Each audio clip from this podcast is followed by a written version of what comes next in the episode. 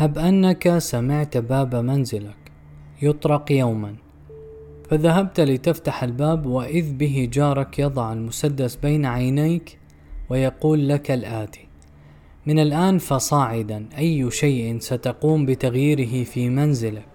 ستقوم بأخذ الموافقة مني وستدفع لي أجرة بسيطة بدل موافقة. وإذا ما أردت أن تأتي بعامل يزرع لك هذه الحديقة فيجب أن أوافق عليه وأن آخذ نسبة مالية قبل أن يشرع بالعمل. هكذا يرى الليبرتاريون الدولة إنها تسرق منك ما هو لك بالأساس وتكرهك على فعل كان خيارك بالبداية وتعطي لنفسها الأحقية بأن تملكك أو أن تنزع منك. منطقة كانت ملكك بالأساس إنها الجهة التي تسمح لنفسها باحتكار وسائل العنف بتعبير ماكس فيبر. فالعنف الذي تمارسه الدولة هو وحده العنف المشروع والمسموح به. ينتمي هذا النص إلى الفلسفة الليبرتارية وموراي روثبورد هو من أبرز أعلام المدرسة النمساوية في الاقتصاد السياسي.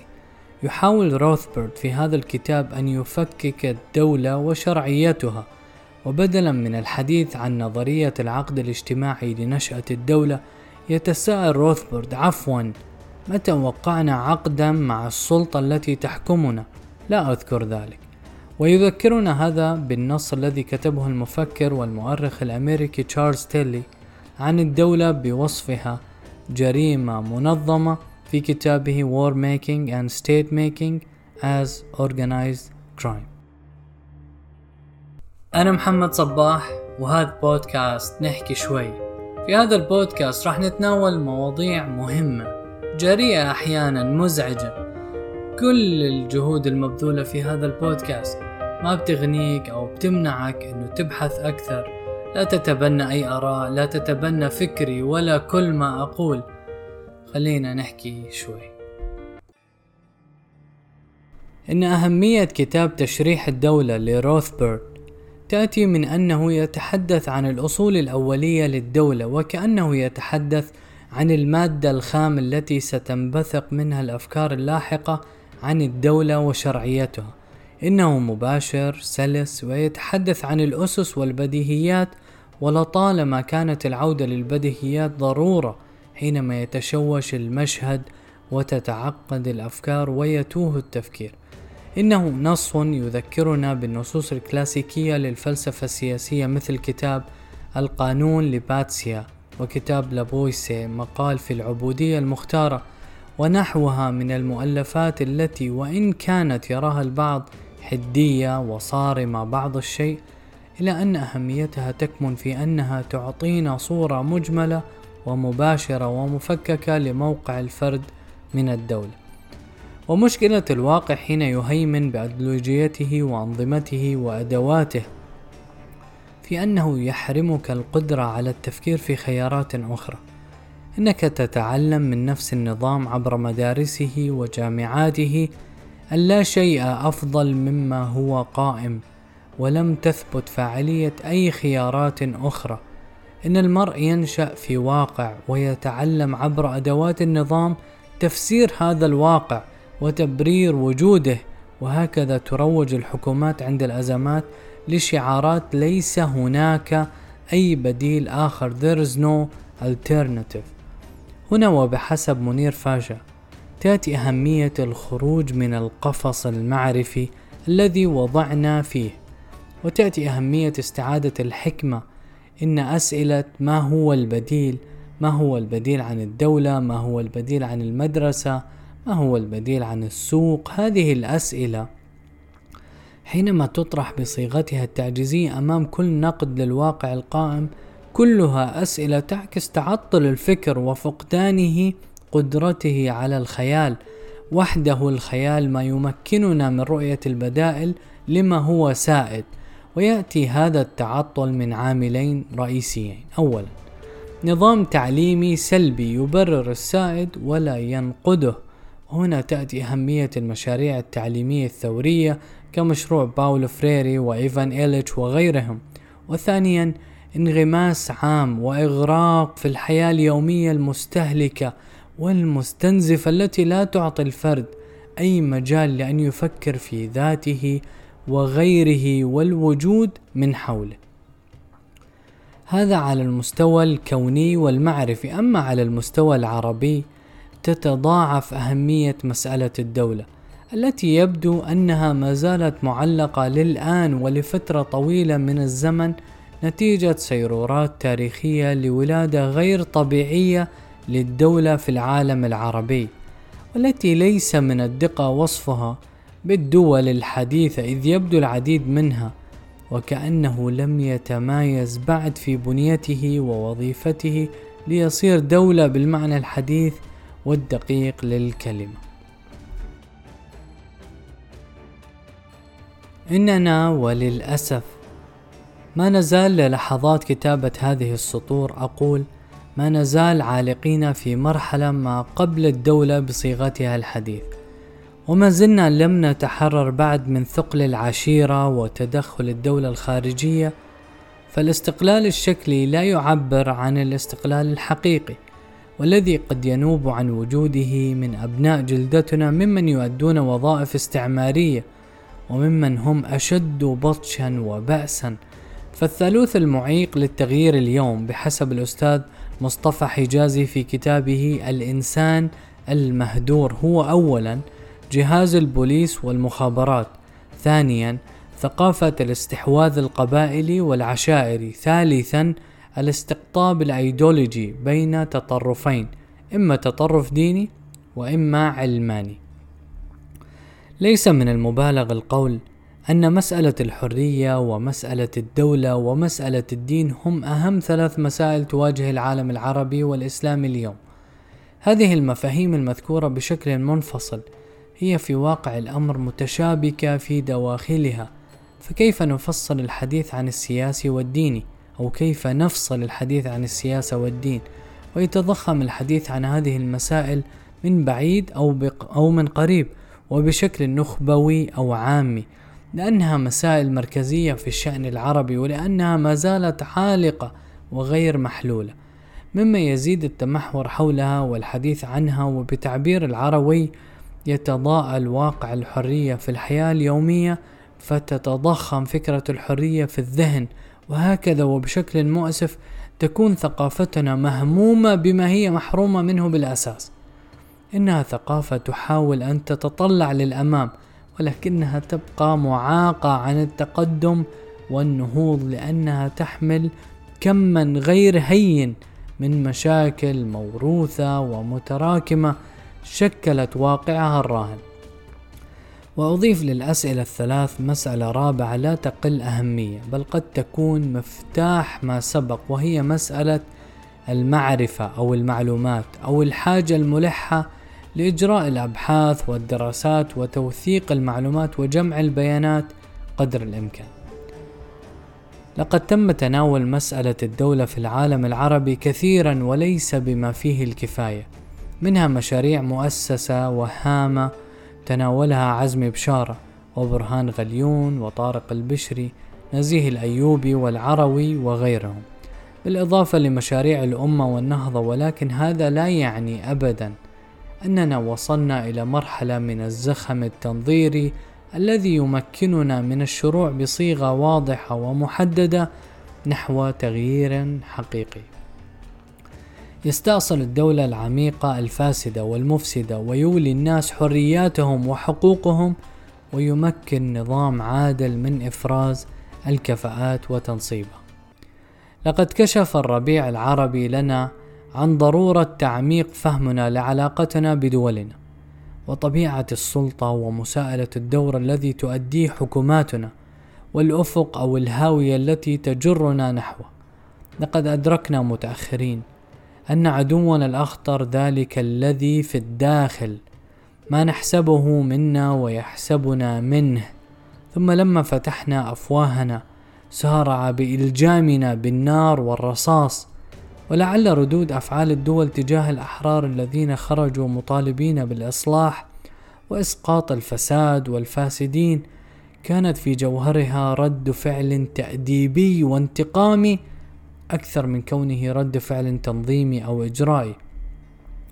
إنه جبروت لا يقبل المساءلة وطغيان لا يقبل النقد ونهب لا يقبل المشاركة. تآمر فيه المستبدون سويا فأرسل الدعم وأنفقت الأموال وسلحت الميليشيات ودعمت الثورات المضادة بالملايين الهائلة خوفا من الحرية والأحرار. إن الناس يقعون في مغالطة شنيعة حينما يخلطون بين أنفسهم وبين الحكومة. نحن لسنا الحكومة والحكومة ليست نحن. موراي روثبرغ توصف الدولة وعلى نطاق عالمي تقريبا بأنها مؤسسة للخدمات الاجتماعية ويعظم بعض المنظرين من قيمة الدولة ويبجلونها درجة تبلغ حد تأليهها أو ينظرون إليها بوصفها إلها للمجتمع. فيما يعتبرون آخرون مجرد مؤسسة مساندة للمجتمع ومنظمة لشؤونه. وهي وإن كانت في كثير من الأحيان غير فعالة في, في تحقيق الغايات والمقاصد الاجتماعية المرجوة منها إلى أن المعظم يعتبرها وسيلة ضرورية لتحقيق أهداف الجنس البشري. إن الدولة تقريبا هي مجموع من الوسائل الموجهة ضد القطاع الخاص، وهي جهة منافسة للإنسان على موارده، وكثيرا ما تربح الدولة في هذه المنافسة. ومع صعود الديمقراطية وتناميها تضاعفت التعريفات التي تربط مفهوم الدولة بالمجتمع حتى صار من الشائع أن تسمع عبارات وجمل متداولة تناقض كل ما يمت للمنطق بصلة وتنافي الحس العقلي السليم تماما مثل العبارة القائلة نحن الحكومة. إن ضمير المتكلم بنحن في العبارة السابقة قد يحدث تمويه ايديولوجي ويغطي على واقع وحقيقة الحياة السياسية. فإذا كنا نحن الحكومة بالفعل فهذا يعني أن أي شيء تقوم به الحكومة للفرد هو خياره الشخصي والطوعي بذلك. وهذا يعني أن ما تفعله الحكومة بالفرد هو ليس إلا ما اختاره الفرد أن يفعله بنفسه. إذ أنه وفقا للعبارة السابقة نحن الحكومة يكون الفرد والحكومة الشيء نفسه. وبناء على ذلك إذا تكبدت الدولة ديونا عامة ضخمة للغاية وكان عليها استيفاؤها عبر فرض ضريبة على مجموعة أو قطاع أو طبقة ما على حساب طبقة أخرى فإن عبء هذا القرار سيختفي ويضيع بقولنا نحن مدينون لأنفسنا وكأنهم يقولون علينا ديون وسنستوفيها من أنفسنا وهكذا ووفق هذا المنطق لا تقوم الدولة بشيء غير مرغوب فيه. ولا يمكن إدانة الدولة عن أي فعل تقوم به فهو قرار الناس أنفسهم. فإذا ما قامت الحكومة بتجنيد رجل ما أو بإلقائه في السجن بسبب آرائه المعارضة فإنه هو من يفعل ذلك بنفسه وتبعا لهذا المنطق. فإن أي يهودي كانت قد قتلته الحكومة النازية هو في واقع الأمر لم يقتل وإنما عوضا عن ذلك يجب القول بأنهم قد انتحروا بأنفسهم أليسوا هم أنفسهم الحكومة؟ ألم يتم اختيار الحكومة بشكل ديمقراطي؟ وبالتالي فإن أي شيء كانت قد فعلته الحكومة لم يكن إلا خيارهم الشخصي وقرارهم الطوعي. بالطبع لا يرى الناس الأمر بهذه الطريقة، ولا يؤمن معظمهم بهذه النقطة بشكل واعي ومتقصد حينما يصيحون بعبارات نحن الحكومة ومع ذلك فإن المعظم يقول بهذا التناقض وهذه المغالطة ولو عفويا بدرجة أو بأخرى حينما يخلطون بين أنفسهم وبين الدولة. من هنا تأتي أهمية التأكيد على أننا نحن لسنا الحكومة، والحكومة ليست نحن، لا تمثل الحكومة بأي, بأي حال من الأحوال غالبية الشعب ولا أكثريته وحتى لو فعلت ذلك حتى لو قرر سبعين بالمئة من الناس قتل الثلاثين بالمئة المتبقية فإنه لا يزال يسمى قتل وجريمة متعمدة وليس انتحارا طوعيا للأقلية المذبوحة وليس خيارها الشخصي.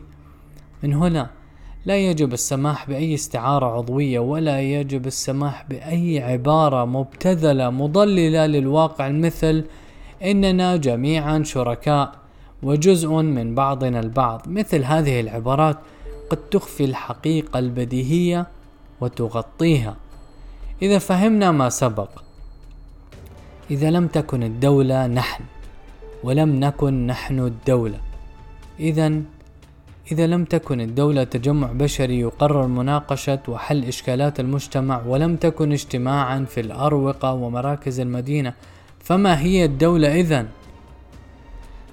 بشكل مختصر يمكن أن نعرف الدولة بأنها الجهة أو الهيئة التي تحاول الحفاظ على احتكار استخدام العنف والقوة في منطقة إقليمية محددة وبشكل أكثر تحديدا وهي الجهة الوحيدة في المجتمع التي تحصل إيراداتها عن طريق الإكراه والإجبار وليس عن طريق المساهمة الطوعية في الإنتاج وليس كما يقال عنها بأنها تحقق إيراداتها عن طريق ما يأتيها من مقابل إزاء ما تقدمه من خدمات للمجتمع.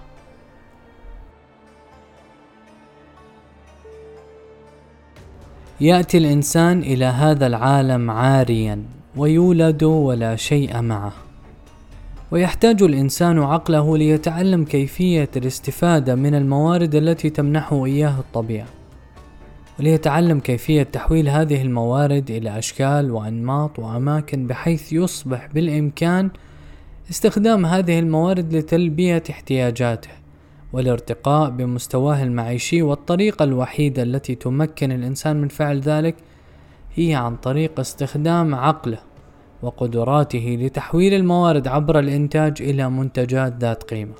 ومن ثم مبادلة هذه المنتجات بمنتجات أخرى صنعها الآخرون. لقد وجد الإنسان أنه ومن خلال هذه العملية الطوعية وعبر المقايضة والمبادلة المشتركة فإن إنتاجية المشاركين في عملية التبادل هذه ستزداد وسيرتقي مستواهم المعيشي بالتالي بشكل كبير. ولهذا فإن المسار الطبيعي الوحيد للإنسان إذا ما أراد البقاء على قيد الحياة وإذا ما أراد تحقيق الثروة هو الانخراط في العملية عملية الإنتاج والتبادل السلمي لاستخدام عقله وقدرته. وتجري العملية السابقة على مراحل إذ يفعل الإنسان ذلك أولا من خلال إيجاد الموارد الطبيعية ومن ثم بتحويلها وإعادة إنتاجها وبهذا تصير ملكه الشخصي. ثم يقوم بمبادلة ملكيته هذا التي أعاد إنتاجها من الموارد الطبيعية بما يماثل قيمتها من ملكيات الآخرين ومنتوجاتهم وهكذا فإن المسار الاجتماعي الذي تمليه الطبيعة البشرية واحتياجاتها هو مسار حق التملك والسوق الحر للهبات ولتبادل هذه الحقوق. ومن خلال هذا المسار يتعلم الناس كيف يجنبون أنفسهم الطرائق الغابوية وكيف يتفادون شريعة الغاب وأساليبها في الاقتتال على الموارد الشحيحة والمحدودة؟ تلك الأساليب التي لا يمكن للفرد أن يكتسب الموارد عبرها إلا على حساب الآخر وحرمانه وبدلا من أساليب الغاب هذه. وعبر التبادل السلمي والمنسجم للموارد والمنتجات تتضاعف هذه الموارد بسلام ويعاد توزيعها وإنتاجها مرارا وتكرارا. لقد أشار عالم الاجتماع الألماني فرانز أوبنهايمر إلى أن تحصيل الثروة وامتلاكها يتم بإحدى طريقتين. الطريقة الأولى هي المذكورة أعلاه من الإنتاج والتبادل السلمي وأطلق على هذه الطريقة الوسائل الاقتصادية. أما الطريقة الثانية فهي أبسط من حيث أنها لا تتطلب بذل جهد إنتاجي والتي تحدث عبر الاستيلاء على ممتلكات الغير واستخدامها بواسطة القوة والعنف فهي ليست عملية تبادلية بقدر ما هي استيلاء من طرف واحد وهي بمعنى صريح ومباشر سرقة لممتلكات الآخرين. ولقد أطلق أوبنهايمر على هذه الطريقة اسم الوسائل السياسية وينبغي أن يكون واضحا لنا. أن الاستخدام السلمي للعقل والقدرات في عملية الإنتاج والتبادل هو الطريق الطبيعي للإنسان والذي يتماشى وينسجم مع طبيعته وهو الطريق الذي يضمن له وسائل بقائه على هذه الأرض وتمتعه بها. وينبغي أن يكون واضحا لنا أيضا أن الوسائل القصرية والاستغلالية والقهرية تتعارض مع القانون الطبيعي. إنها وسائل طفيلية تمتص الآخرين وتقتات على إنتاجهم وبدلا من أن تضيف للإنتاج فإنها تنقصه وتقلل منه. إن الوسائل السياسية تسرق الإنتاج وتنقصه شيئا فشيئا عبر مجموعة من الأفراد الطفيليين. وهذه السرقة لا تقتصر على التقليل من الإنتاج عبر سرقته فحسب وإنما تضعف وتقلص الحافز لدى باقي المنتجين الطبيعيين بحيث لا يتجاوز إنتاجهم أكثر مما يحتاجونه بحيث لا يزيد ما ينتجونه عن المقدار الذي يكفيهم. إذ الباقي والفائض ستتم سرقته والاستيلاء عليه على أي حال. وهكذا وعلى المدى البعيد يدمر السارق معيشته من خلال تقليص مصادر إمداده وتدنيها ولا يقتصر الأمر على ذلك. إذ إن هذا المفترس والطفيلي حتى على المدى القريب وفي كل مرة يفعل فيها ذلك فإنه يتصرف بما يناقض طبيعته البشرية ويعاكسها ويخالفها. لقد وصلنا الآن إلى نقطة تمكننا بشكل أفضل من الإجابة على سؤال ما هي الدولة؟ إن الدولة وبتعبير أوبنهايمر هي هيئة الوسائل السياسية وهي الجهة المعنية بمأسسة وتنظيم عملية الافتراس والاستيلاء على مساحة معينة من الأرض. وبالنسبة لجريمة هي في أحسن أحوالها متقطعة وعابرة واتكالية ومرهونة لإنتاج الآخرين فإنها جريمة معرضة للتهديد. إذ قد يتم قطع شريان الحياة الذي يغذي هذا الكائن الطفيلي في أي وقت من خلال قيام الضحايا. الشعب بالمقاومة والدفاع عن أنفسهم وعن ممتلكاتهم. من هنا تأتي أهمية الدولة لتوفير قناة قانونية ومنهجية ومنظمة لتسهيل الافتراس والانقضاض على الممتلكات الخاصة والإنتاج الخاص ولتغطي وتحمي تلك الطبقة الطفيلية في المجتمع التي تحتاج على إنتاج تحتاج على إنتاج الآخرين وسرقتهم وتحافظ لهم على استقرار نمطهم المعيشي الطفيلي وتضمن استمراره وبما أن الإنتاج يجب أن يسبق دائما عملية الاستيلاء إذ لا يمكن سرقة إلا ما هو موجود بالأساس. فإن السوق الحر هو واجهة الدولة. إذا لم تنشأ أي دولة من قبل عبر عقد اجتماعي محض لقد تولدت الدولة على الدوام عبر السيطرة والاستغلال وقد كان النموذج الكلاسيكي الشائع لعملية النهب والاحتلال أن تذهب قبيلة لتقتل وتنهب قبيلة أخرى وتستولي على مواردها ومنتجاتها لكن هذه الطريقة العتيقة قد تبدلت بعدما لوحظ أن مدة النهب ستطول وستكون أكبر وأكثر جدوى بعوائدها وأرباحها. إذا ما سمح لأصحاب القرية المنهوبة والمحتلة أن يبقوا على قيد الحياة وأن يمارسوا حياتهم بشكل طبيعي وأن ينتجوا كالمعتاد فيما يستولي الغزاة على أرضهم وعلى حكامهم مقابل جزية سنوية ثابتة يدفعها المقهورون كضريبة للغزاة والمستعمرين.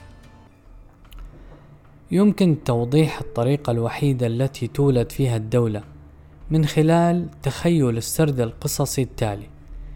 في تلال بلاد الواق واق تمكنت مجموعة من اللصوص من السيطرة على المنطقة وفجأة خرج زعيم قطاع الطرق ليعلن نفسه ملكا لحكومة جنوب الواقواق المستقلة ورئيسا لحكومتها وإذا كان لدى هذا الزعيم ولدى رجاله القوة والموارد للحفاظ على حكمهم وسيطرتهم لفترة من الزمن فاحذر ماذا سيحدث. يا للدهشة لقد أصبحوا دولة معترفا بها. ها قد انضمت دولة جديدة إلى عائلة الأمم والدول في العالم. وهكذا أيها القارئ يتحول قادة العصابات السابقين إلى ملوك وحكام نبلاء وقادة شرعيين في هذا العالم. سلام.